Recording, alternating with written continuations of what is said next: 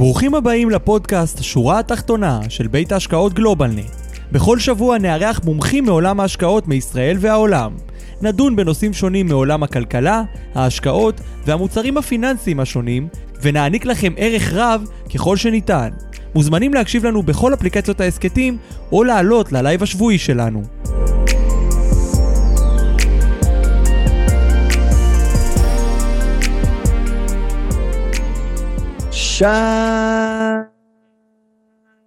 שלום לכולם וברוכים הבאים לשורה התחתונה, וובינר ההשקעות של גלובלנט.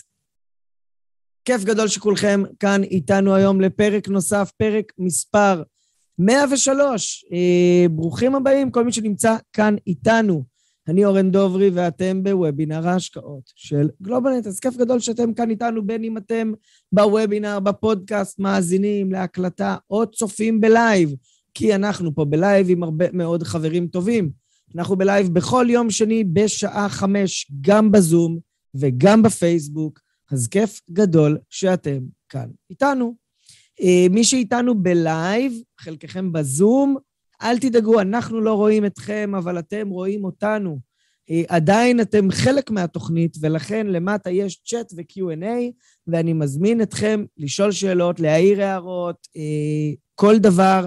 אנחנו עונים תוך כדי ושמחים לנהל איתכם שיח אה, תוך כדי הפרק. אז ברוכים הבאים, ואני מקווה שלכולם היה קודם כל חופשת פסח נפלאה, קצת זמן עם המשפחה, אולי חופש קצת. אמ, והנה אנחנו מתקרבים לחודש מאי. אז אה, מה יהיה לנו במאי? רגע לפני שנדבר על היום, ככה טעימות קטנות. אה, אנחנו נחזור ואנחנו נדבר על אה, חוב לכל מיני חברות פרטיות. אנחנו נדבר על מדוע בריטניה הפכה לבירת עולם ההשקעות. פרק מיוחד שנארח מאנגליה, אנחנו נהיה באנגליה במהלך השבוע, אה, לא הבא, אחד שלאחריו, אז אנחנו נדבר על למה כל הגופים הפיננסיים נוהרים לבריטניה. לאחר מכן אנחנו נדבר על איך אפשר לייצר הכנסה פסיבית דרך השקעות בתנודתיות נמוכה. 23 למאי, שימו לב לשם הפרק, כיפת ברזל לעליית הריבית. אילו השקעות יגנו עלינו בתקופה של עליית ריבית, אנחנו צופים, יש אפילו שאומרים בחצי שנה הקרובה עלייה של 2% בריבית, אה, מה יגן עלינו? אה, ולאחר מכן, 30 אה, למאי, פרק מיוחד, לוקאלי או גלובלי, ניהול סיכונים בפיזור, אז כל זה יש לפנינו בחודש מאי. אבל אנחנו עדיין באפריל, ואנחנו הגענו לפרק האחרון של אפריל, נדל"ן בחצאית, הזדמנויות השקעה בסקוטלנד, והיום אה, גיא אילוז, מנכ"ל גלובלנט ישראל, יארח ויראיין את יהודה מסינגר אה, מ-MNS אה, השקעות, על למה דווקא סקוטלנד. אנחנו מדברים הרבה פעמים על בריטניה, היום אנחנו נלך קצת צפונה ונדבר על אה, האחות הסקוטית ואיזה הזדמנויות יש בשוק הנדל"ן אה, בסקוטלנד, וקצת נסקור את השוק עצמו, אה, אז אה, לפנינו היום. רגע לפני שנתחיל, חשוב לי להדגיש ולציין כי אין בוובינר, בפודקאסט הזה, להוות תחליף לייעוץ או שיווק פנסיוני או שיווק השקעות או ייעוץ מס. הוובינר אינו המלצה או הצעה להשקעה במוצר פנסיוני או פיננסי כזה או אחר, ואין לראות אה, בפרק הזה כהזמנה לביצוע פעולה. אה, הוובינר הוא לידיעה, אה, ככה שכל אחד משתמש בנתונים האלה בשביל אה, הידע האישי שלו, ולאחר מכן אנחנו כן ממליצים וכן מציעים להיפגש עם איש מקצוע מתכנן פיננסי, לבוא אלינו, או ככה בתוך המשפחה, לקבל החלטות שמתחשבות בנתונים ובצרכים המיוחדים של כל אדם וכל משפחה. אז שלום לכל האורחים שלנו, גם בפייסבוק וגם בזום בלייב, וגם כמובן לצופים שלנו בעתיד, שמקשיבים להקלטות. אז מי איתנו פה היום? דוד ברנשטיין, כיף גדול שאתה כאן איתנו, דורון, אשר, חיים, פאדי, אה, ג'ייקוב, מאור, מיכאל, רן, יוסי, הרבה אנשים טובים, אהובה, אה, ישראל, מרק, מימון, מירי, סוזי, יצחק, כמה שמות שאני גם לא מכיר, הרבה אנשים טובים. כיף גדול שכולכם כאן איתנו, ואנחנו רוצים לשמוע הערות, שאלות, מענות, טענות, תוך כדי הוובינר. תמיד, תמיד אנחנו שמחים אה, לדסקס איתכם. אז, הגיע הזמן אה, להגיד שלום לאורחים שלנו. שלום לכם, גיא ויהודה. רק רגע.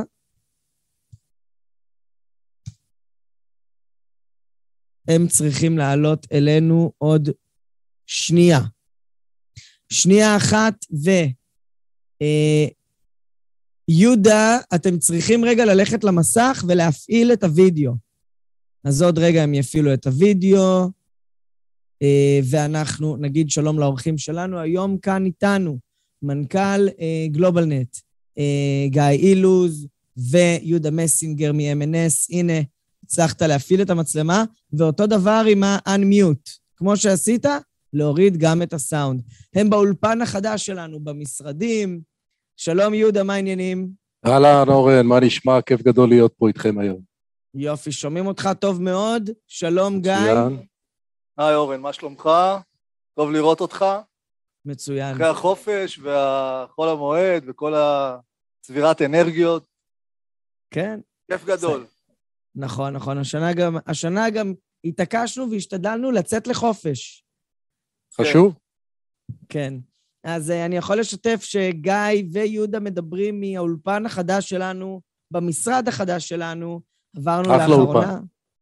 עברנו לאחרונה uh, למגדל הכשרת היישוב, בז'בוטינסקי, בבני ברק, למשרדים גדולים ויפים, ואנחנו מזמינים את כולם לקפה כמובן, אבל כרגע, אה, מה העניינים, יהודה? ברוך הבא. תודה רבה, כיף להתארח פה אצלכם היום, ואהבתי גם את הכותרת, נדל"ן בחצאית. יפה. אה, אני לא אגלה מי חשב על הכותרת, גיא, גם אני לא. אבל אה, תראה, אה, טוב, גיא עוד יספר וככה, באמת בפרק הזה זו שיחה ביניכם, אה, גיא ויהודה, אבל אנחנו מדברים על בריטניה הרבה, ועל סקוטלנד בכלל לא, והייתה פה הזדמנות מאוד מאוד מעניינת להביא גוף עם הרבה ניסיון. פה אני רגע יעצור, ואני אתן uh, לגיא uh, לנהל את השיח היום. Uh, לכל הצופים, למטה יש צ'אט ו-Q&A. שאלו שאלות, תעירו הערות תוך כדי, ונתייחס להכל בתקווה. אז גיא, הבמה שלך. טוב, אורן, תודה רבה. יהודה, לכבוד הוא לי לארח אותך כנ"ל. אצלנו כאן. תודה רבה, גיא. אה, החופשה עברה בסדר? כאילו, אנחנו יומיים אחרי החופשה, וכאילו... עדיין מתאוששים. כאילו לא הייתה חופשה. בדיוק, צריכים חופשה נוספת, אבל היה כיף. יופי. אז לפני שנדבר קצת על סקוטלנד ועל M&S, אני חושב שכפתיח, אנחנו הרי בגלובלנט, תחום ההתמחות שלנו זה השקעות אלטרנטיביות, והקהל שלנו נחשף אה, למה שקורה בשווקים, גם לפני החופשה, גם עכשיו, גם במהלך החופשה, ונראה לי שהטיימינג של הוובינר הזה הוא, אני לא רוצה להגיד מדהים, כי סביבנו יש המון המון המון איומים, אבל הוא מאוד מאוד מאוד אה, אקטואלי, בוא נגדיר את זה ככה. מסכים, מסכים מאוד. כי הסביבה היום בשווקים היא של המון חוסר ביטחון, המון אי ודאות, אה, מאוד מאוד מאוד גדולה, אנחנו לא יודעים, אנחנו אף פעם לא יודעים הרי מה יהיה, ואנחנו כן מתחילים להרגיש שהאיומים, אם היינו באיזה 20 שנות אה, ראלי, למרות שגם בדרך היו כל מיני עליות ומורדות, כי לא חסר, אבל עכשיו בעצם אנחנו יודעים שלפי המומחים ולפי כל התחזיות, שהראלי הזה יסתיים. ואנחנו נמצאים בתקופה שמאוד מאוד מאוד בעייתית, קרן המטבע העולמית הוציאה תחזית מאוד קודרת בכלל, אבל ספציפית גם לאור המלחמה של אה, רוסיה ואוקראינה.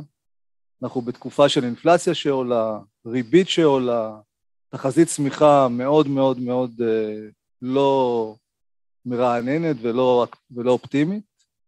אנחנו יודעים שהולכת להיות עליית, עליות ריבית, כולם כבר מדברים על זה, זו עובדה קיימת. אז אם אנחנו נשענים על המומחים, אנחנו יודעים שהולכים לקרות כל מיני דברים, אנחנו רק לא יודעים מתי, ולא יודעים מה העוצמות של הדברים האלה. Mhm. הניסיון מראה שאנחנו נמצאים בתקופה שהכל מאוד מאוד קיצוני. אז התנודתיות הופכת להיות הרבה יותר חזקה. טורבולנטי. בדיוק. העליות ריבית הופכות להיות הרבה יותר אגרסיביות. יש לכך סיבות, לא ניכנס לזה כרגע כי זה לא הנושא שלנו, זה מעניין כפני עצמו. אבל מה שיותר מעניין זה איך זה משפיע עלינו כמשקיעים ועל המשקיעים של גלובלנט, כי זה מה שחשוב כרגע, ואני חושב שבתקופה הזאת הנושא של השקעות אלטרנטיביות הוא למעשה נותן סוג של מענה, כי אנחנו כמשקיעים, מכיוון שאנחנו לא יודעים לחזות מה יהיה, אנחנו כן צריכים להיערך ליום סגריר הרבה יותר מתמיד, ולחשוב, לעשות איזה סוויץ' בראש, אם הסוויץ' שלנו כל הזמן היה, טוב, איך אני משיג עוד X תשואה, עוד Y תשואה, עוד דברים כאלה ואחרים, היום אנחנו צריכים לעשות סוויץ' ולחשוב איך אנחנו מתגוננים מפני הסערה שהולכת להגיע, היא יכולה להגיע במספר גלים, בגל אחד, אנחנו לא יודעים, אבל הסוויץ צריך להיות סוג של מגננה וסוג של הגנה, ולא רק איך אני משיג תשואה. לא שהתשואה אינה חשובה, אבל הסיפור של האחוז לכאן, אחוז לשם, הוא לא הדבר המרכזי. הדבר המרכזי הוא איך אני מגן על עצמי. כמו באמת, אם הייתה סערה אמיתית, אז הייתי חושב איך אני דואג שהגג לא ידלוף, ושיש לי מעילים, וציוד, וחימום, ואולי אוכל. לא עלינו, אנחנו לא חווינו את זה בישראל כי אנחנו מדינה יותר קיצית, אבל לצורך ההשוואה, זה למעשה מה שאנחנו צריכים לעשות כרגע, ולחשוב. איך אנחנו על סופגים פחות הפסדים, מגנים לפחות על חלק מהכספים שלנו, וזה העולם של ההשקעות. זה, זה להשיג תשואה, אבל תוך שימת דגש מאוד משמעותית על הקטנת הסיכון, בדיוק. הקטנת הסיכונים. בדיוק. אז, אז זה ככה היה פתיח להכניס אותנו קצת לאווירה של אה, איך אנחנו בעצם מקטינים את הסיכונים ומייצרים איזשהו תמהיל השקעות שהוא רלוונטי, ולכן אה, אני שמח שאתה כאן. תודה רבה. אז אה, כי אתה בעצם חלק מהפתרון, אתה לא חלק מהבעיה. תודה. וחשוב לי לשמוע, אז בוא נתחיל אולי טיפה, כי אורן התחיל לדבר על ה-UK, אנחנו מכירים מאוד מאוד את בריטניה ואת אירופה, וסקוטלנד זה באמת תחום שהוא יחסית פחות מוכר, אז אשמח אם תספר קצת על השוק. סקוטלנד, סקוטלנד באמת, כמו שככה גם אתה, גיא, וגם אורן הצגתם, היא תמיד ככה האחות הקטנה הצפונית של אנגליה, שאומרים בריטניה, הרבה פעמים חושבים אנגליה, אבל צריך לזכור שבריטניה בסוף היום מורכבת גם מאנגליה הגדולה, גם מסקוטלנד בצפון וגם מווילס. ואנחנו באמת, הפעילות שלנו היא פעילות בריטית, אבל ממוקדת במידה רבה בסקוטלנד. אני חושב שמצאנו לעצמנו ככה פינה חמה ושקטה. אגב, מבחינת הכלכלה בין סקוטלנד לשאר UK? אני חושב, אני, אני, תמיד שואלים אותי על סקוטלנד ולמה בחרנו בסקוטלנד בשנים באמת הרבות שאנחנו פעילים בנדל"ן המניב בבריטניה, אנחנו עושים בעיקר סקוטלנד. שואלים אותי למה, במשפט אחד אני תמיד אומר סקוטלנד זה כמו אנגליה על סטרואידים. הווי אומר, אתה מקבל את כל הטוב של בריטניה כמכלול, אוקיי, וכתשתית עסקית, משפטית, חשבונאית, סדר, שיטה, אחת הכלכלות כמובן החזקות ביותר בעולם. ויחד עם זה, השוק הסקוטי, שהוא שוק הרבה יותר קטן, מצומצם, הוא הרבה יותר פעיל, הוא הרבה יותר vibrant, הוא הרבה, אה, אה, הוא, הוא פועל בדינמיקה שונה, אוקיי? הוא אחת, אגב, בתחום הנדל"ני הוא נחשב היום באירופה לאחד מהשווקים הצומחים באירופה, למרות שפחות מכירים אותו. גלסגו, אזור גלסגו, אזור אדינבורו, קיבלו בשנים האחרונות הרבה הרבה ביקושים מכל העולם, ממשקיעים מכל העולם. אני חושב שהיתרונות המרכזיים שאנחנו רואים, מעבר באמת לתשתית הבריטית, שוק משוכלל, שקיפות, סדר, שיטה וכלכלה יציבה, זה העובדה שבסקוטלנד באופן כללי, על הנדל"ן שאנחנו משקיעים, אנחנו נקבל ככלל תשואות יותר גבוהות מאותה השקעה בדיוק, ואנחנו עוסקים, וחשוב לומר, רק בנדל"ן מסחרי מניב, אנחנו לא עוסקים במגורים, אנחנו לא עוסקים ב development, אוקיי? אנחנו עוסקים בנדל"ן מניב, בנדל"ן המניב נקבל לרוב תשואות גבוהות יותר בהשקעה סקוטית לעומת השקעה באנגליה, והעלות, the cost of doing business, העלות הבסיסית תהיה נמוכה יותר מאשר אותה השקעה, תעשה אותה עכשיו בלונדון, במנצ'סטר, ובערים אחרות נוספות באנגליה. למעשה הסביבה בסקוטלנד מייצרת תשואות גבוהות יותר, כנראה בגלל המחירים שהם יותר אטרקטיביים למשקיעים. אז לפני שנדבר טיפה על השווקים, אולי תספר לנו קצת עליכם, על הפעילות שלכם. בשמחה. מה עשיתם? אה? אני גיא, ואנחנו קצת מכירים, אה, אה, עוסק בנדל"ן, בהשקעות, ביזמות נדל"ן מזה כ-20 שנים, אה, ולמעשה בשנים הרבות האחרונות, יחד עם השותף שלי, רואה חשבון עדי שוורץ, אנחנו עוסקים ומשקיעים רק בנדל"ן מניב, מסחרי מניב, בבריטניה, שוב בדגש אה, סקוטלנד. הצוות שלנו, הצוות הניהול של הפעילות, אה, כולל גם את אה, אהרון ברנר, הוא למעשה אותו אדם יקר שהביא אותנו מלכתחילה לפני שנים לא מעטות לבריטניה, הוא עצמו משקיע מזה כ-25 שנים רק בנדל"ן מניב בבריטניה, ולמעשה הוא הביא איתו, ואנחנו ירשנו במרכאות יחד איתו, את אותה תשתית שהוא פיתח לאורך השנים. אה, ארי, הוא איש נדל"ן? הוא? הוא למעשה בנקאי במקור, הוא איש מימון, למעשה גם היום אצלנו בתוך הצוות הוא אחראי, הוא האנליסט הראשי של העסקאות, והוא אחראי למעשה על כל הצד המימוני. אנחנו תמיד תמיד בהשקעות שלנו, ואני מניח שנתייחס לזה קצת בהמשך, אה, עובדים ומשקיעים במקביל או יחד עם בנקים בריטיים או אחרים, במקרה האחרון זה דווקא היה סנטנדר, אה, בנק ספרדי, אבל רוב בנקים בריטיים, זה מסייע לנו גם להשביח את התשואות למשקיעים שלנו, וגם לבצע due diligence, בדיקות נאותות על הנכס, על השוכרים וכדומה, שמאששים שההשקעה הזו היא אכן השקעה טובה ואיכותית. אהרון במקרה הזה אחראי גם על הצד המימוני מול הבנקים, ולהשלים ככה במילה, אה, אה, ארי אקשטיין הוא למעשה מנהל את הפעילות ואת הצוות שלנו בבריטניה עצמה, הוא יושב, המשרד שלו יושב בלונדון, אבל למעשה אחראי על כל יצירת ה pipeline, יצירת העסקאות, פעם אחת, ופעם שנייה ב property management השוטף, למרות שכפי שאנחנו נראה ונשוחח על זה אני מניח, אנחנו כמעט לא צריכים ולא נדרשים לבצע property management משמעותי.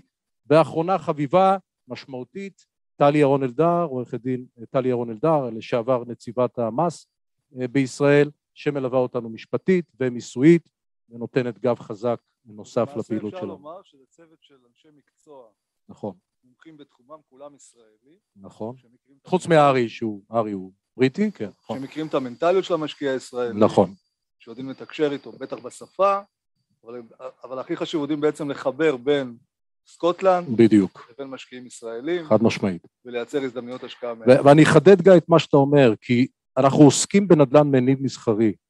זה דורש מומחיות, זה דורש התמחות, אה, אה, ואנחנו נתאר ככה את המאפיינים של הפעילות. אה, חשוב מאוד מאוד מאוד בדברים האלה, שתהיה לך תשתית חסונה, גם בצד המשפטי, גם בצד המיסויי, וכמובן בצד הנדל"ני.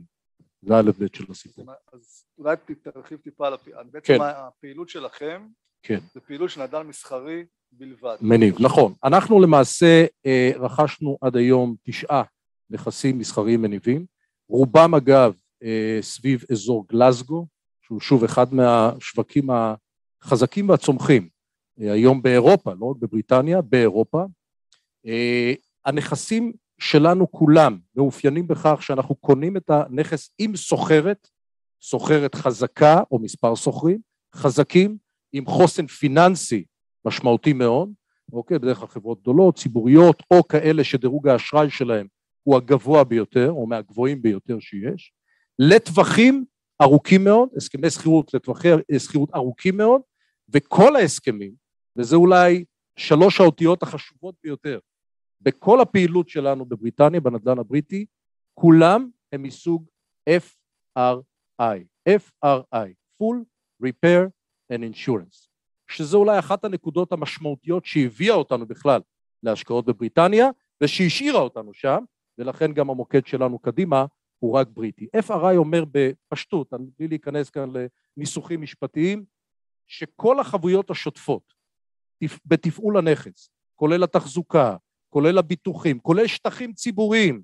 כולם כאחת מוכלות על הסוחרת וללא על בעל הנכס. זה מאוד מאוד מעניין, כי יתרון עצום. רק לא מזמן, לפני מספר ימים, אני לא אנקוב בשם האתר, אבל אחד האתרים הכלכליים, בסוף השבוע פרסם מאמר מאוד מאוד מעניין על שוק הנדל"ן בישראל, שאנחנו כולנו מאוד מאוד אוהבים אותו, זה גם קרוב נכון, לליבנו וגם לביתנו, כי אנחנו כולנו כאן, אמת, אבל הוא דיבר על הצד הפחות מוכר, שזה בדיוק מה שאתה מדבר עליו, שפתאום צריך לתחזק את הנכס לאורך שנים, ויש הוצאות, ואז פתאום למעשה- מתפוצץ אה, צינור, פתאום צינור, הגג דולף, אפרופו הגג בפתיח שלך, אותו גג. אותו גג. דולב, נכון. והנכסים מתיישנים, יש שחיקה, יש בלאי, ואז למעשה התשואה יורדת, זה המשמעות. חד משמעית. יש ל- פערים ענקיים הרבה פעמים, ואני גם, אני גם אהבתי להשקיע מאוד בישראל, ואני עדיין אוהב את זה, אבל השקט הנפשי, ומדברים כאן על הקטנת סיכונים, זה היה ככה הפתיח שאתה נתת ואני מאוד מתחבר למה שאתה אומר, כי זה מה שמנחה אותנו תמיד. הקטנה של הסיכונים בעיקר כמשקיעים זרים. זה נכון שיש לנו נוכחות משמעותית בבריטניה, אבל עדיין, כמשקיעים זרים, אתה רוצה להקטין את הבלתי צפוי, אתה רוצה להקטין את הבלת"מים, אתה רוצה לה, לא להתעסק בכלל באותם דברים שלא רק מצריכים עיסוק, אלא מקטינים, כמו שאתה אומר בשוטף, את התשואות. ולכן העובדה שאנחנו הולכים על מאפיינים כאלה של סוחרות חזקות מאוד, של טווחי שכירות ארוכים, שאני אומר ארוכים, זה עשר שנים וצפונה ללא אפשרות יציאה של הסוחר. אוקיי? זה חשוב מאוד. אתה לא פוגש דברים כאלה בישראל, או בהרבה מקומות אחרים באירופה, או אפילו בארצות הברית. פלוס ה-FRI נותן לנו במידה רבה שקט נפשי, ולא פחות חשוב, ביצוע מול תכנון שהוא כמעט כמעט מושלם. וזה משהו שהוא ייחודי לפעילות שלכם, או שכך מקובל בסקוטלנד? יש משהו שונה תראה, אה, הפרקטיקה? המיקוד של, בפעילות שלנו זהו הפוקוס, אנחנו לא נבצע עסקאות שבהם המאפיינים האלה לא מתקיימים. יש אחרים שמבצעים עסקאות מסוגים שונים, לא רק בנישה הזו, לא רק בסגמנט הזה, אבל היתרון שבריטניה, וחשוב ככה באופן ציורי לתאר את זה, שאתה בעל נכס, ואני מדבר כמובן שוב בצד המסחרי המניב, הלנדלורדיות, כן, הם לא סתם קוראים לזה לנדלורד, יש איזו תפיסה, והוא כמעט בייס מובנה בשוק הבריטי, שבעל הנכס, אוקיי, הוא בעל הנכס. הווה אומר שאת כל ההתעסקות סביב הנכס, בצד המסחרי, צריך לבצע הסוחר, כל עוד ההסכם הוא הסכם FRI. ורק כדי שוב להרטיב את העניין הזה מעבר למושגים, זה אומר שהסוחרת שלנו, חברה הסוחרת, ואגב זה יכול להיות מסוגים שונים, זה יכול להיות בלוגיסטיקה. יש פה הערה שלא שומעים אותי כן. מספיק טוב. לא, לא שומעים אותי מספיק טוב? אולי תקרב את המיקרופון. עוד יותר לקרב? רגע, ככה אנחנו בסדר יותר? כן? אני ממש עכשיו דבוק לזה, אוקיי. אה, אה, אני אנסה את זה. אוקיי, ככה שומעים בסדר? אה, אותי, סליחה. אה. לא רשמו למי, אז אתה יודע, צריכים לנחש. על הכיפאק. אבל עכשיו רשמו, בסדר אז- גמור, בואו נמשיך. אוקיי, אז אני אומר, הסוחרות שלנו, שהן חברות ענק בדרך כלל, חברות חזקות, nationwide בבריטניה או, או גלובליות, בתחום הלוגיסטיקה, בתחום התעשייה, בתחום המסחרי, אבל רק חברות גדולות, כמו אלדי, כמו סנסבוריז. החברות האלה מחזיקות בחברות ניהול משל עצמן, אוקיי? זאת אומרת, אם משהו נפגע בצינור או בגג, אני אדע את זה אחרי שחברת הניהול של הסוחרת שלי כבר טיפלה, אוקיי, בעניין, וזה באמת נקודה קריטית לפעילות בהפחתת הסיכון, ובשורה התחתונה בנקודה אחת שאולי לא ציינו אותה עד עכשיו, אבל היא מהות ההשקעה והפעילות שלנו, יצירת הכנסה שוטפת מהנכס, קבועה ורציפה. שהמשקיעים שלנו משקיעים איתנו, הדבר המרכזי שאנחנו מייצרים עבורם, קודם כל, אוקיי? קודם כל, זה לדאוג שאכן אנחנו מאפשרים רבעון לאחר רבעון, רבעון אחר רבעון, באופן שיטתי, לייצר להם הכנסה שוטפת, קבועה, שהיא במידה רבה, עד כמה שניתן כמובן בנדל"ן, בנדל"ן תמיד יש סיכונים, אוקיי? במידה רבה מביאה סיכון, רמת סיכון אולי מהנמוכות שיש וקיימות בתחום הזה. קודם כל, הנקודה הזאת של, אה, אנחנו קוראים לזה בשפה שלנו, מוצר או השקעה מחלקת, כי למעשה... נכון, השקעה מחלקת, זה משהו בדיוק. שכולנו אוהבים, ואני חושב שדווקא נכון. בנקודה הזאת של היום, בגלל הסיכונים שדיברנו עליהם קודם, כולנו רוצים לפגוש את הכסף, בדיוק. ולהרגיש שבעצם הכסף עובד בשבילנו. בדיוק. כשאתה עושה השקעה שהיא ארוכת טווח ואתה לא פוגש את הכסף, ברמת התחושות לפחות, לא תמיד זה נכון בפרקטיקה, אבל לפחות יש המון פסיכולוגיה, בטח בסביבה שאנחנו נמצאים בה כרגע, אני יודע שיש סוחר, והוא משלם, והכל תקין, ואני מקבל כל רבעון את הכסף, אז אני יודע שהעסק עובד כפי שאני ציפיתי, ואין פתאום. אה, הפתעות. אמת ויציב. אני, אני יחד עם זה, אני חשוב לי לציין שבהחלט חלק מהעבודה שלנו, של הצוות, מעבר לבחירה הנכונה, אוקיי, לאחר הרבה דיו אולי דיליג'נס, תרחיבו באמת, תרחיב טיפה על איך אתם בוחרים את הנכסים, כי אני מניח בשמחה, שיש מגוון של, של אלטרנטיבות בשמחה, ואופציות, נכון. נשמח אה. אה, נכון, אז, אז, אז אני רק, רק אשלים גיא ברשותך, ואני אגיד שמעבר באמת לדאגה ליצירת הכנסה קבועה ושוטפת, חשוב לנו גם בכל זאת גם למקסם ולהשביח את הנכס עד כמה שניתן ללא בדרך כלל עבודות development אקטיביים. מה זה אומר? זה אומר שחלק מהסכמי ה-FRI, אותם הסכמי שכירות, בדרך כלל, כוללים בתוכם גם נקודות שנקראות rent review, נקודות של הערכת השכירות עם אפשרות העלאה בלבד של השכירות. הווי אומר, גם אם השוק מתרסק, במקרה הגרוע אני אשאר לאחר חמש שנים או שלוש שנים באותה רמת שכירות בדיוק, כפי שאני היום. אבל אם השוק לא יתרסק, אלא צמח, אני אהנה מהשכירות, מהעלייה שלה. איך אנחנו משיגים את ה... וזה, וזה שאלה מצוינת, כי שאלת המפתח לא קל היום, בכלל בעולם, אוקיי? בסביבה שאתה תיארת, אה, אה, אה, אה, למצוא, לאתר ולסגור עסקאות ונכסים טובים. אגב, בעיקר אחרי הקורונה, שנתיים וחצי שאנחנו כולנו עברנו בעולם כולו, נכסים חזקים, נכסים סולידיים, בסגמנט שלנו ספציפית, התחזקו עוד יותר. למה? כי הביקושים לאותם נכסים מסוג כזה, בעיקר בגלל הקורונה, אוקיי? רק עלו. ולכן הרבה הרבה גופים, חברות ויזמים כמונו, מחפשים בבריטניה כלכלה יציבה, כלכלה אה, חזקה באופן אה, מסורתי, אה, מחפשים נכסים שהם נכסים סולידיים וקשה לסגור אותם. מה היתרון שלנו בהקשר הזה? דרך הקשרים שלנו לאורך השנים, ואגב המוניטין גם שאנחנו יצרנו בשוק הסקוטי, זה מעניין שאני ועדי שותפים מגיעים לשם, קוראים לנו ה-Israeli Boys, אוקיי, ה-Israeli Boys, אני עוד מעט בן 52, אבל אנחנו ה-Israeli Boys. אה, למה Boys? כי אומרים, ה-Israeli Boys מגיעים, יש עסקה. זאת אומרת, יצרנו, דווקא בגלל השוק, יש מוניטין, בדיוק, שלא לא מזבלים את השכל, לא מבלבלים את המוח, אלא באים, אבל זה קורה לאחר שהצוות שלנו ואנחנו בחנו קרוב ל-20 עסקאות שונות, מגוונות, ברחבי סקוטלנד או בכלל בבריטניה, כדי למצוא את הנכס שמתאים לנו לאור המאפיינים שאני תיארתי. זה לא אני, קל. אני רק רוצה לומר, קודם כל, יש כבר כמה שאלות, אני שומר אותן אה, להמשך. גיא, בשמחה. תשים לב, גיא, תשים לב שלפעמים אתה לא מדבר לתוך המיקרופון, ו, ולכן... אתה מדבר אה, למיקרופון? כן, זה המטרה של המכשיר okay. אוקיי. הזה שנמצא שם, מטרתו לקחת את קולך ולהעביר אותו לצופים. מצוין, בסדר גמור. תודה על ההערה. על הכיפאק. אה, אה, כן, אז, אז חלק מהעניין הוא באמת אה, לנסות ולאתר. היתרון שלנו הוא שלאור המוניטין שנוצר, והשנים הרבות שהצוות שלנו עוסק רק בנדל"ן מניב מסחרי אה, בבריטניה, אנחנו יודעים להגיע לאותן קרנות וחברות נדל"ן גדולות בשוק הבריטי, שבדרך כלל, על פי מדיניות הקרן, אחת לחמש שנים, אחת לשבע שנים, הן צריכות פשוט למכור נכסים. אנחנו יודעים להגיע לפני מצב המכירה, לפני שהשוק, לפני שהנכס יצא לשוק, מה שמכונה off market, לסגור עסקה מהירה עם אותן קרנות, ואז למעשה נוצר מצב ווין וויני. למה? הווין ווין הזה נוצר מכך שהן לא צריכות לצאת לשוק, לעיתים הן גם לא רוצות שיווקית לצאת לשוק. אנחנו צריכים אמנם לסגור עסקה מהירה, אוקיי? אין כאן, כאן הרבה מקום להתבלבלויות, צריך להיות מאוד ממוקדים, לבצע due diligence מהיר, משפטי, נדל"ני, להיות ממוקדים, מפוקסים, אבל לרוב זה מאפשר לנו לייצר מחירים, מחירי רכישה טובים מאוד. הווה אומר לקבל discount בקנייה, מה שמאפשר לנו פוטנציאל upside גם במימוש לאחר מספר שנים.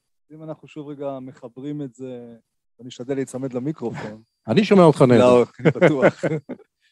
לעולם הזה של ניהול הסיכונים, כן. אתם בעצם רוכשים נכסים עם השוכרים. נכון מאוד. זאת אומרת, זה לא שאתה קונה נכס ועכשיו יש לך גם זמן לאתר נכון, שוכר, נכון. אתה קונה נכס עם שוכר לתקופות ארוכות. אני מתנצל בפני קהל המאזינים שלנו והצופים שאנחנו לא יכולים לציין את התקופות כן. ואת התשואות, כי אנחנו תחת חוק הייעוץ בהשקעות, אבל אני אומר רק כפתיח שהפרטים יינתנו למי שירצה, שיפנה אלינו, ואנחנו כמובן נפנה אליכם וניתן את כל הפרטים על פי מה שמוגדר בחוק.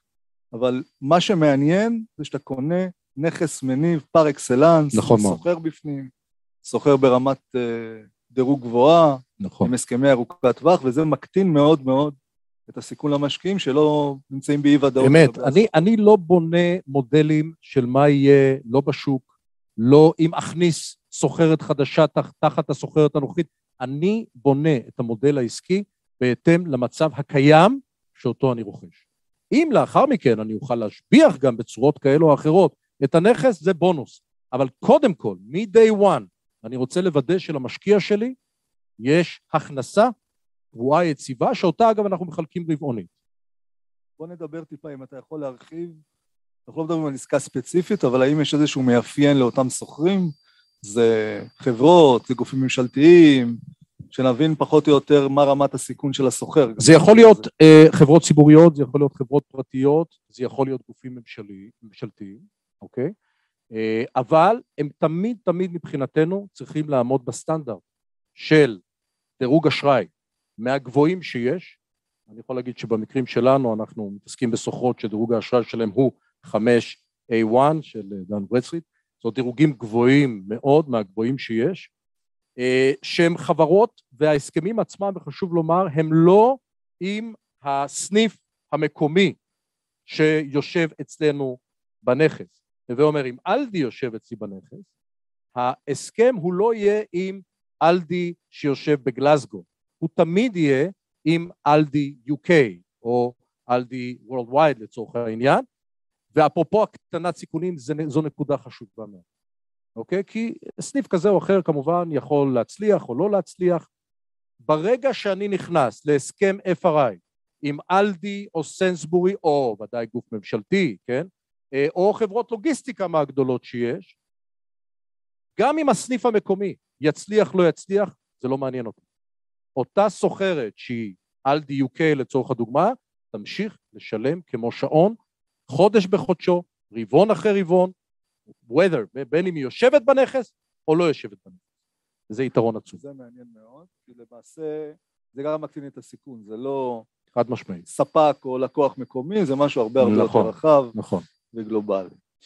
אגב, זה גם, מן הסתם, גיא, כמובן גם מעלה את כמות, נקרא לזה, ה-due diligence והעבודה המקדימה שאנחנו צריכים לבצע כדי להשיג נכסים כאלה, ולפעמים גם עסקאות לא יוצאות, ה due diligence הזה זה אנשי מקצוע שלכם, של החברה? זה אנשי המקצוע שלנו, האנליסטים שלנו, עורכי הדין שלנו, רואי החשבון שלנו, פלוס, וחשוב מאוד, לומר את זה, הבנק מבצע את ה due diligence של עצמו, באופן עצמאי לחלוטין. השמאות, לדוגמה של הנכס, היא של הבנק. כך שכפי שאמרתי גם קצת בהתחלה, ההליכה שלנו עם בנקים בריטים או אחרים מסייעת לנו גם להשביח ולמקסם את התשואה השוטפת, ה-cash on cash, אבל היא גם נותנת לנו... העסקאות שלכם תמיד יד ביד עם בנק? תמיד, תמיד, תמיד, תמיד. זאת אומרת, בכל השקעה, תמיד. אנחנו מדברים על משקיעים פרטיים שישקיעו כסף, נכון. לידם יש בנק מקומי, נכון, נכון. או אירופאי כלשהו, שגם משקיע כסף. אמת. אז זו עוד איזו נקודה שלמעשה נותנת למשקיעים נכון את הביטחון. אגב, היא נותנת גם לנו את הביטחון, גם לנו כיזמים. אנחנו כמובן גם יזמים וגם משקיעים, ויחד עם הקבוצה שלנו, קבוצת המשקיעים, זה מאפשר לנו הקטנה משמעותית של הסיכון. ה due diligence שהבנק מבצע, בוודאי היום, בשנים האחרונות, מי שמכיר את העולם הזה, זה, זה, זה מטורף. זה אגב due diligence עלינו, אוקיי? היזמים, המשקיעים, עם כל ה-KYC ועם כל מה שנדרש היום מהבנקים, ו due diligence מאוד מאוד מפורט של הנכס, של הסוחרת, של הטייטל, של כל אלמנט והיבט של העסקה. אה, עוד שאלה מעניינת, אפרופו מה שקורה כרגע בשווקים, הולכת להיות גידול באינפלציה, הולכת להיות העלאת ריבית, העלאות ריבית מדברים, גם בעולם, גם ב-UK, גם בישראל, איך זה מסתדר עם הפעילות שלכם? זה נקודה חשובה מאוד, אתה גם פתחת למעשה את הפתיח שלך, התייחס לזה. אף פעם אנחנו לא יודעים מה יקרה, אבל אנחנו צריכים להיות ערוכים למצב שבו באמת הריביות יעלו. אינפלציה שעולה אנחנו כבר רואים, שהיא עולה אה, בכל העולם אה, לאחר אה, הקורונה. אה, אנחנו למעשה, יש לנו שלושה אמצעים מרכזיים, שדרכם אנחנו מגדרים את הסיכון בהתייחס לריבית. כי אמרתי, אנחנו הולכים עם בנקים, אוקיי? הווי אומר שאם הבנק יעלה את הריבית, גם אנחנו ניפגע מזה, פוטנציאלית, אבל איך אנחנו מגדרים את זה? פעם אחת רמת המינוף הכללית שלנו היא יחסית מאוד נמוכה. אזור ה-40 עד 50 אחוז מקסימום, זה, אלה הם רמות המינוף שאנחנו הולכים, לא הולכים ל-70-80 אחוז, כך שסך הכניסה, ההשקעה של הבנק, היא, היא, היא לא מאוד אה, גבוהה. פעם אחת. פעם שנייה, אנחנו במקרים רבים גם מקבעים, לפחות חלק מההלוואה, בריבית קבועה. כמובן, צריך לזכור, בנדל"ן מניב מסחרי, אמרתי את זה בהתחלה, זו עסקה נדל"נית, אבל היא עסקה פיננסית. ולכן בכל רגע ורגע הצוות שלנו בוחן מה מחיר הכסף היום, מה מחיר הסוואפים אה, קדימה, אה, כדי למקסם עבורנו ועבור המשקיעים שלנו, באמת, האם אני אקח 25% מקובע, 50% מקובע, והיתרון הגדול הוא שאנחנו תמיד תמיד ניכנס להלוואות שמאפשרות לנו בכל רגע נתון לקבע את יתרת ההלוואה, אוקיי? ונקודה שלישית, כמובן, אנחנו נכנסים מראש לעסקאות שהקאפ, שיעור ההיוון הבסיסי שלהם, מאפשר לנו מספיק מרווח, אוקיי? לעומת שיעורי הריבית. כך שעם ההגנות האלה, כמובן אי אפשר להיות חסינים במאת האחוזים, בכל עסקה יש סיכון, בנדל"ן יש סיכון, גם בסגמנט שלנו יש סיכון, אבל יחסית רמת הסיכון, אני חושב שהיא מגודרת מאוד. אז רגע רגע לאסטרטגיה של, ה, של ההשקעה. כן. יש לנו למעשה סוחר מדורג מאוד מאוד גבוה. נכון. יש due diligence שלכם, יש בנק שהוא פרטנר לעסקה, אמת. ונותן את ה due diligence שלו וכולי, ועכשיו אני השקעתי, אני מקבל רבעונית כל, חוד, כל רבעון את השכירות בהתאם לתשואה, נכון. ויש גם איזושהי תוכנית למכירה של הנכס. בדרך כלל, זו שאלה טובה, בדרך כלל אה, אנחנו חושבים בקבוצי זמן של חמש שנים. למה חמש שנים? כי בתחום הזה של נדל"ן מסחרי מניב בבריטניה, הבנקים לרוב נותנים את ההלוואות לחמש שנים, אוקיי? אה, אגב, גם אם הסוחרת שלי, אה, אלדי, היא איתי לעשרים שנה, אגב, איזו אלדי? אלדי זה אחד מהרשתות השיווק והסופרים הגדולים באירופה, אה, למעשה רשת גרמנית, אחת מהחזקות גם בגרמניה. כן, כן, כן, זה, כולנו רואים את זה בנסיעות בחו"ל וכו' וכו'. אה, אה, אז, אז גם אם הסוחרת שלי, מקרה אמיתי, היא ל-20 שנה קדימה, ללא אפשרות יציאה, בהסכם FRI, עדיין הבנק ייתן לקבוצי זמן של חמש שנים, תבוא בעוד חמש שנים, הוא ישמח, ל, ברוב המקרים הוא ישמח לחדש ולעשות מה שאנחנו קוראים לו refinancing של ההלוואה. אה, אז בדרך כלל אנחנו מסתכלים על החיים במונחי של, במונחי זמן של חמש שנים. בתום החמש שנים, או במהלכן, אם יש הזדמנות, שהיא הזדמנות מכירה, שתמקסם את ה-value, את הערך, עבור, עבורנו, עבור עצמנו והמשקיעים שלנו יחד, אנחנו נבצע את זה. אבל אנחנו לא נחפזים ולא נחפז, נחפז לעשות את זה, מסיבה פשוטה, כמו שאמרתי, קשה מאוד לייצר נכסים מסוג כזה, שמייצרים את אותה הכנסה קבועה, שיטתית, רצופה, עם רמת סיכון יחסית נמוכה מאוד, ולכן אנחנו זהירים, שקולים, אבל יש מצבים, למשל בנכס שמכרנו לפני אה, ארבעה חודשים, כארבעה חודשים, אה, נכס לוגיסטי, הסוחרת היא באה מעולם הלוגיסטיקה. הלוגיסטיקה, כפי שאני מניח שגיא אתה כן, מכיר היטב, וכולם מכירים, קפצה בשנים האחרונות בטירוף, בעיקר בתקופת הקורונה, ולכן מימשנו בזמן שהנחנו שזו נקודה נכונה למימוש, ואכן אה, ייצרנו תשואות יפות מאוד, אבל בדרך כלל אנחנו נתייחס על החמש שנים הראשונות, אם נראה שהמציאות בשוק לא מאפשר או לא תומכת במכירה, אנחנו במידה רבה נבצע refinancing, ובאמת הגמישות הזו, הגמישות, בגלל הטווחים הארוכים מאוד של השכירות, הגמישות גם היא, היא פונקציה שמקטינה סיכונים ונותנת אפשרות למקסום הערך עבור המשקיעים ועבורנו. בהנחה שמשקיעים מעוניינים להשקיע, מה, מה למעשה הפרוצדורה מצד המשקיע? מה הוא צריך לעשות? מה הוא צריך לחתום?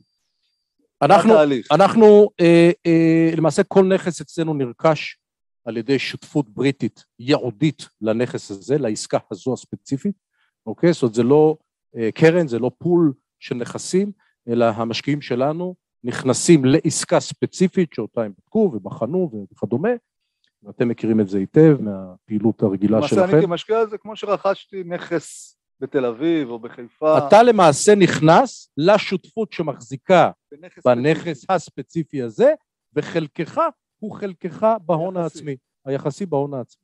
אוקיי, זאת אומרת אם, אה, סתם לדוגמה, סך ההשקעה היא עשרה מיליון פאונד, אוקיי? וההון העצמי הוא חמישה מיליון פאונד, אני עושה את זה סכמטי, כן, כן, אוקיי? והבנק הביא חמישה מיליון הנותרים. אה, אתה, גיא, נכנסת בחצי מיליון פאונד, לצורך העניין, חלקך יהיה עשרה אחוז באותה שותפות שמחזיקה בנכס.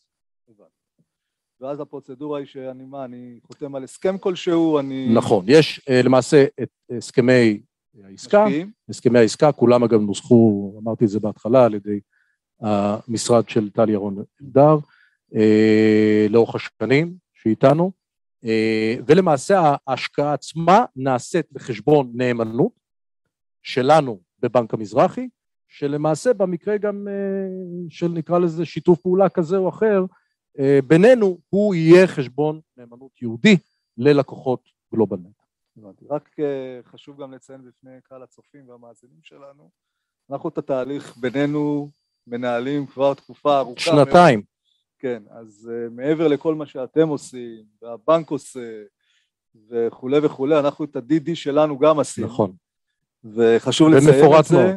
כי גם אנחנו מאוד מאוד מאוד מקפידים שהמשקיעים, שהלקוחות שלנו ישקיעו במקומות שאנחנו uh, מאמינים וישנים טוב בלילה, כי כולנו רוצים, נכון. אנחנו מאוד מאוד שמרנים בהחלטות שלנו, ואולי גם לפעמים איטיים מדי, אבל יש לזה מטרה באמת להגן על המשקיעים. אני יכול להגיד שרק לחזק גיא, את מה שאתה אומר, היה תהליך באמת ארוך, אה, מסודר, מפורט, אה, שגם אם הוא הצריך מאיתנו משאבים, אה, כולנו, אני חושב שזה חשוב לעשות אותו. חשוב לעשות אותו בצורה הזאת. עכשיו, ברגע שהמשקיע השקיע והוא מקבל את התשלום הרבעוני, הוא מקבל דיווח כלשהו, כן. הוא יודע מה קורה עם ההשקעה אנחנו למעשה, אה, אה, א', מחלקים את השכירות הרבעונית, לאחר כמובן ההוצאות המימון וההוצאות השוטפות, שהן בגדול אה, אה, אה, מצומצמות מאוד למעט המימון, אה, אין לנו כמעט הוצאות שוטפות משמעותיות, אה, והכל, כפי שאמרתי,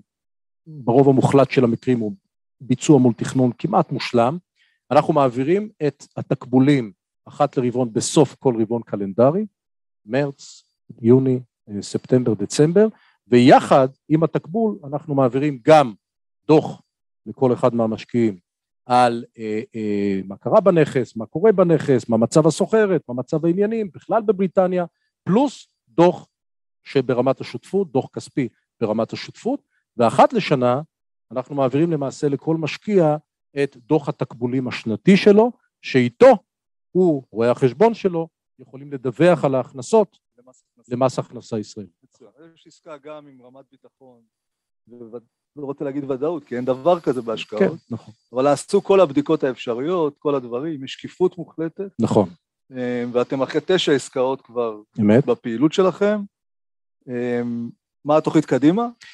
להמשיך, אה, צריכים להגיד תמיד בעזרת השם, להמשיך ולפעול, זה הפוקוס אה, שלנו, ובאמת אה, המטרה, גם באמצעות שיתופי פעולה מבחינתנו אסטרטגיים כמו איתכם, כמו עם גלובלנט, אנחנו בהחלט רוצים להגדיל את ה... ולהמשיך את הפעילות, אבל לא בחשבון ולא על חשבון איכות העסקאות. זאת מבחינתי, ואני תמיד אומר את זה ככה בתוך הצוות הפנימי, הכי חשוב לי בסוף היום, שהעסקה תעמוד באותם פרמטרים של העסקה הראשונה שלה, שהיא תהיה כמו העסקה הראשונה שלה, תמיד. אבל בהחלט יש מקום להגדלת הפעילות, אה, וזה הפוקוס שלנו, זה המיקוד שלנו, שוק הבריטי. אורן, יש לה, אני רואה הרבה שאלות ברקע, אני לא מצליח נכון, לעקוב, נכון. אבל אולי כדאי שנענה נכון, לחלקם. נכון, והנה, והנה הגענו לרגע השאלות. אה, קודם כל, היה מרתק, יהודה, אני מכיר את תודה רבה. העולם שלכם, את עולם ההשקעות הזה בסקוטלנד כבר בצורה אה, מאוד טובה, אבל תמיד לומדים דברים חדשים. ועכשיו תודה. אנחנו ממש ננסה לרוץ את כל השאלות, כי יש הרבה.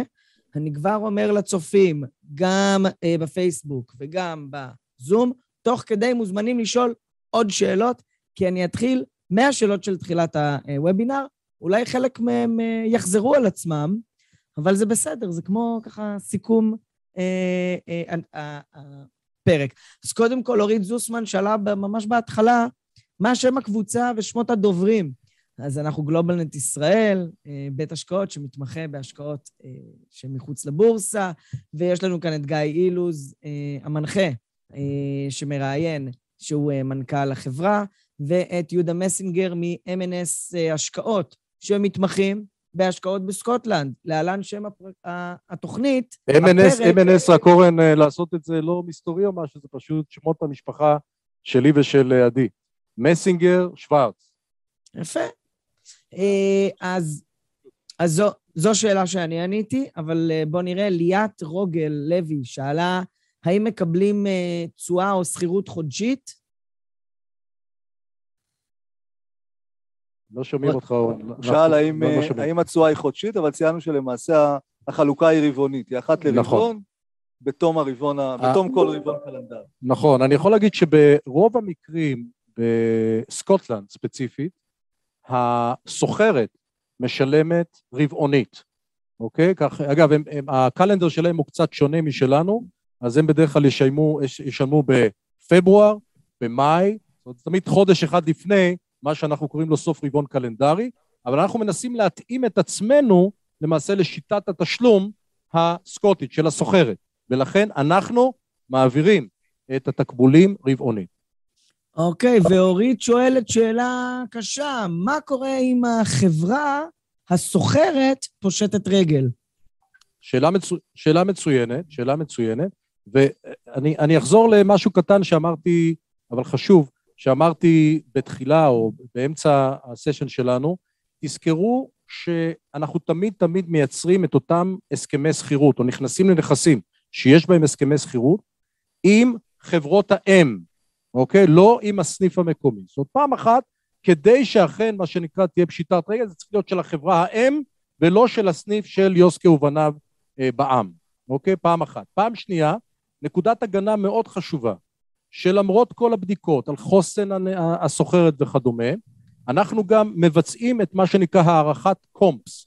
מה זה הקומפס? ה-comparisons, ההשוואה של רמות השכירות אצלנו בנכס, לעומת רמת השכירות הכללית באזור של נכסים מסחריים, דוגמת הנכס שלנו. וזה אומר שאנחנו ניכנס תמיד תמיד רק לעסקאות, שבהן רמת השכירות בנכס שלנו היא שווה או נמוכה מרמת השכירות באזור כולו. כך שאם נידרש חלילה להחליף סוחרת כי הסוחרת פשטה רגל, אוקיי?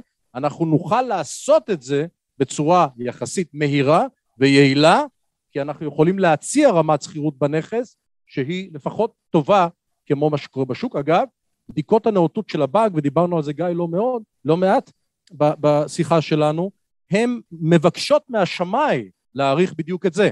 מחברת השמאות, אנחנו מדברים על חברות שמאות ענקיות, כמו קושמן, כמו נייט פרנק אה, וכדומה, לבצע את ההערכה של כמה זמן ייקח להכניס שוכרת חדשה תחת השוכרת הקיימת.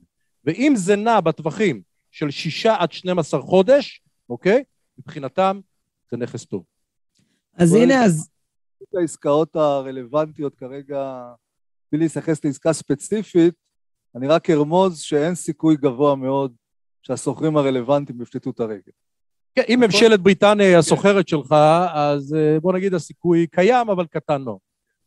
אה, אז אה, תראה, אנשים מכירים אותנו כבר שאנחנו אוהבים אה, רמות סיכון נמוכות, אה, והנה רחל אה, בריפמן אה, שואלת, היקרה, אה, שואלת, ואני כבר עונה את חצי מהתשובה, שאי אפשר לתת פרטים על השקעה ספציפית, אבל באופן כללי, בהשקעות שאתם עושים, בעסקאות הנדל"ן בסקוטלנד, מהו מינימום זמן ההשקעה ומהו שיעור ניכוי המס? שמעת את השאלה? שמע, את הסוף לא שמעתי, אורן. מה שיעור. ניכוי המס ומה תקופת ההשקעה בעסקאות שלכם באופן כללי. אז אני אומר, אז כפי שאמרתי גם קודם, בדרך כלל אנחנו מתייחסים לקבוצי זמן של חמש שנים, אוקיי? ב- ב- ב- ברמת התכנון האסטרטגי שלנו של העסקה. אה, זה לא אומר שבהכרח תהיה, יהיה מימוש של הנכס אה, באותן חמש שנים, אבל לשם פחות או יותר אנחנו מכוונים, בהינתן מצב שכמובן השוק מאפשר ותומך במכירה אחרת, חבל לפספס את ההכנסה הרציפה, השוטפת, שאנחנו מקבלים מהנכס עצמו. מה הייתה השאלה השנייה? מה שיעור המס שמנוכה מדמי השכירות. אוקיי, אז קודם כל התקבולים שאנחנו מעבירים הם כבר לאחר שאנחנו טיפלנו ברמת השותפות, אוקיי? בהפרשה למס הבריטי. כי תזכרו, אנחנו שותפות בריטית, כל נכס מוחזק על ידי שותפות בריטית, ולכן אנחנו, צוות הניהול של כל ההשקעה, הג'נרל פרטנר מה שנקרא, אנחנו מטפלים בתשלומי המס הבריטים, ולכן התקבולים למשקיעים שלנו, שרובם ככולם ישראלים, הם לאחר שאנחנו מפרישים למס הבריטי, אה, אלא אם כן תרצו שניכנס לזה, אני מניח שלא חייבים... אין לנו כרגע מספיק זמן, אבל... בגדול, הסתם, בגדול יש. בוא נגיד, ב- אני אגיד במילה רק כדי להרטיב, כי רחל שאלה, יש שם אה, 20 אחוז על הרווח, לא על ההכנסה, על הרווח, אוקיי, של השותפות, ברמת השותפות, ולכן מותר לנו לנקות דברים כמו מימון, הוצאות מימון והוצאות נוספות על פי מה שרואי החשבון שלנו מנחים אותנו, ולכן אנחנו מפרישים בגדול סדר גודל פלוס מינוס של כעשרה אחוז מהשכירות לטובת המס הבריטי. מה עם התקבולים- המס פה? מה עם המס פה? יפה. אז אמרתי את זה וציינתי גם קודם, אני אחזור. המשקיע, המשקיע פה מקבל מאיתנו דוח תקבולים שנתי, הוא או רואה החשבון שלו לפי בחירתו. רואי החשבון הרבה פעמים מדברים איתנו, ועדי, השותף שלי, הוא גם רואה חשבון בעצמו, אז הרבה פעמים מתקיימים, מתקיימות שיחות עם רואי החשבון, כפי שהמשקיע רוצה. המשקיע פה למעשה משלם על ההכנסה השוטפת את מה שנקרא הכנסה משכירות של נכס זר, אוקיי? רק כדי להרטיב שוב, מבלי להיכנס לכל הניואנסים, וכמובן אה, אה, אה, חשוב להיכנס לניואנסים האלה, ולקבל גם ייעוץ מיסוי על העניין הזה, מי שרוצה להיכנס, אבל בגדול, על הפלט, גרסת הפלט, אוקיי? המס הקבוע, כמו בישראל, עשרה אחוז על השכירות, אם זה נכס זר, זה בדרך כלל חמישה עשר אחוז, וגם פה לפעמים רואי חשבון מפעילים מה שנקרא את הפחת הישראלי. יש גם אפשרות למס פירותי, אבל שוב, כל אחד על פי דיווח המס שלו והחלטתו. אבל ברמה מעבירים- הבסיסית, מעבר להסתייגויות, זה 15 אחוז. ברמת, בוא נגיד, המסלול, המסלול של משקיע שנכנס כיחיד, כי תזכרו שמשקיע אצלנו יכול להיכנס גם כחברה, אוקיי? ואז מופעל עליו פשוט מס החברות. כן, אבל אם משקיע יחידים- נכנס כיחיד, אה, יש בגדול שני מסלולים. מסלול אחד זה מסלול המס הקבוע, 15 אחוז. מסלול השני הוא מסלול פירותי, לפי שיעור המס הפירותי שאתה או את משלמים בשוטף בישראל, בניכוי כמובן ההוצאות היחסיות שלך. כל רואה חשבון, כל משקיע, יחד איתנו ובעזרתנו, יכול כמובן להחליט מה מתאים לו או לה. רק לציין שככל והנכס ממומש, נמכר, ונוצר רווח הון, יש גם מס, מס על רווח ההון. בדיוק. מס על רווח ההון, כאן חשוב לומר שבין ישראל לבריטניה יש אמנת מס שמונעת למעשה כפל מיסוי. ולכן, אם המס הבריטי היום, לדוגמה, זה יכול להתעדכן מיום ליום, לדוגמה, הוא 20 אחוז על רווחי ההון, וכאן בישראל הוא 25 אחוז, אזי המשקיע ישלם 20 אחוז מס רווח הון, או שנוצר הרווח, ב- על הרווח בבריטניה, ועוד חמישה אחוז בדוגמה שלי, או השלמה למס הישראלי. רק חשוב לציין, הזכרת שהתקופה המתוכננת היא חמש שנים. עד כחמש הס- שנים. זה הסייקלים. אנחנו מדברים על עסקת נדל"ן. נכון. עסקאות נדל"ן, הטווחים הם הרבה הרבה יותר ארוכים. נכון. מי שנכנס לעסקאות נדל"ן, מצפה למעשה ליהנות מהפירות האלה לאורך תקופה ארוכה מאוד, אמת. אז לכן אה, חמש שנים זה בהחלט תקופה יחסית קצרה לעסקאות נדל"ן, וזה מצוין. ואני אגיד גם, גיא, אפרופו מה שהזכרת גם בהתחלה, אפרופו רמת הסיכון, תזכרו שבסוג ההשקעות שלנו זה לא כמו עסקת נדל"ן שאתה אומר, אוקיי, אני הולך לבנות את הבית הזה, או הבניין הזה, או המגדל הזה, אה, ובעוד שלוש או חמש או. שבע שנים בהתחדשות העירונית אני אראה משהו, אולי. אנחנו מכוונים לייצר הכנסה קבועה ורציפה מתחילתה של ההשקעה. יש אה? יש עוד הרבה, יש עוד הרבה, ואני בספק שנספיק לענות על כולם. אני כבר איך אנחנו. נגיד, אורן?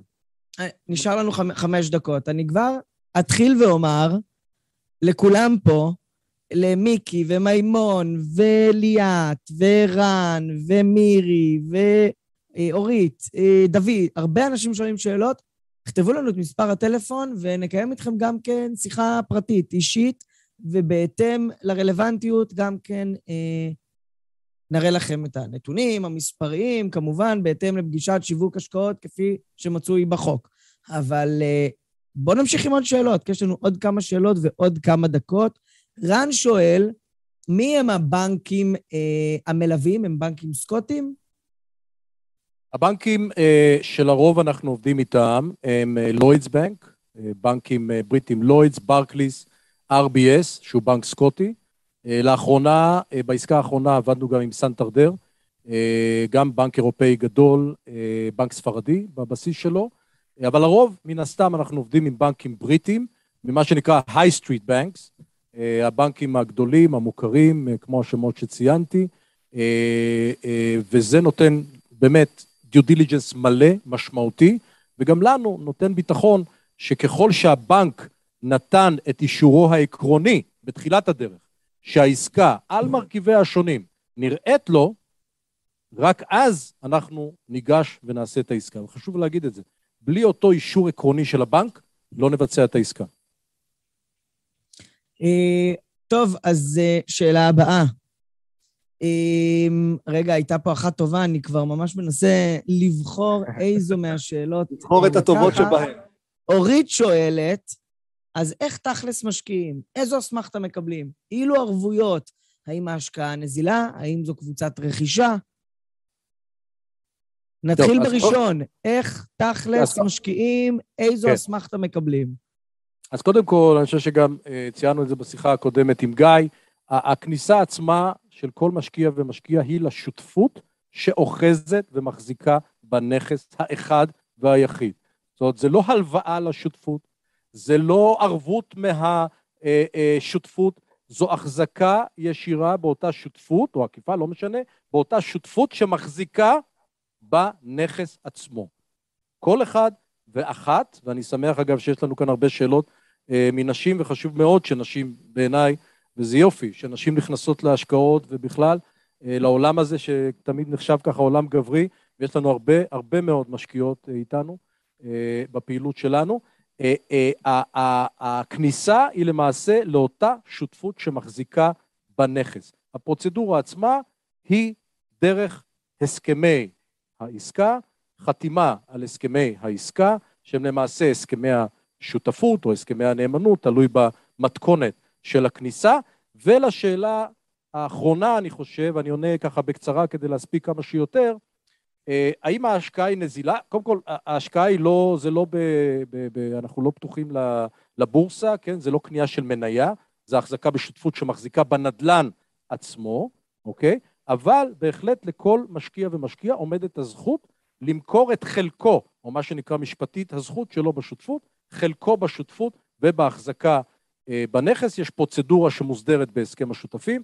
לצורך העניין צריך לידע שותפים אחרים ולתת להם מה שנקרא first right of refusal, אבל בהחלט זה אפשרי, ואני חייב להגיד שלשמחתנו זה לא קרה עד היום, אבל זה בהחלט אפשרות קיימת. אגב, אורן, זו שאלה מצוינת, כי הרבה פעמים כשאנחנו דיברנו על קרנות שמשקיעות בנדל"ן, תמיד הייתה שאלה של המשקיעים, רגע, אני מחזיק בנדל"ן או שאני מחזיק בקרן? ופה זה נותן מענה לאותם משקיעים שרוצים להיות חלק מהחזקה בנדל"ן עצמו. נכון שהמשמעות של זה, זה שאי אפשר למכור יחידות בקרן, כי אין פה קרן. אבל אין ספק שזו השקעה בנדל"ן פר אקסלנס, וכפי ששמענו, זו השקעה שיכולה להיות מאוד מעניינת לחלק מהלקוחות שלנו. אורן, אני מבין שאנחנו צריכים uh, לסיים. אנחנו... נכון, נכון. אנחנו צריכים לסיים, ויש עוד לא מעט שאלות פה שנשמח לענות לכולם בפרטי, פשוט מפאת הזמן. כן, אז כמובן שכולם מוזמנים, כפי שאמרת, להשאיר מספר טלפון. אנחנו כמובן ניצור קשר גם עם כולם, אבל אני רוצה בהזדמנות הזאת, יהודה, להודות לך. תודה רבה. היה מעניין, היה כיף. מרתק, כיף. מקצועי, מדויק. כמו תודה. שאנחנו אוהבים. תודה רבה. אז המון המון המון המון תודה. היה כיף ל... באמת להיות איתכם, להתארח. תודה רבה, גיא, תודה רבה, אורן. ואני אשמח, אורן, אפרופו השאלות, לראות את השאלות יחד עם גיא ולהתייחס אליהן, כי אה, כמות השאלות היפה אה, מראה גם באמת שיש על מה לדבר, ואני שמח מאוד. שמח מאוד להיענות של הקהל ולשאלות שלו.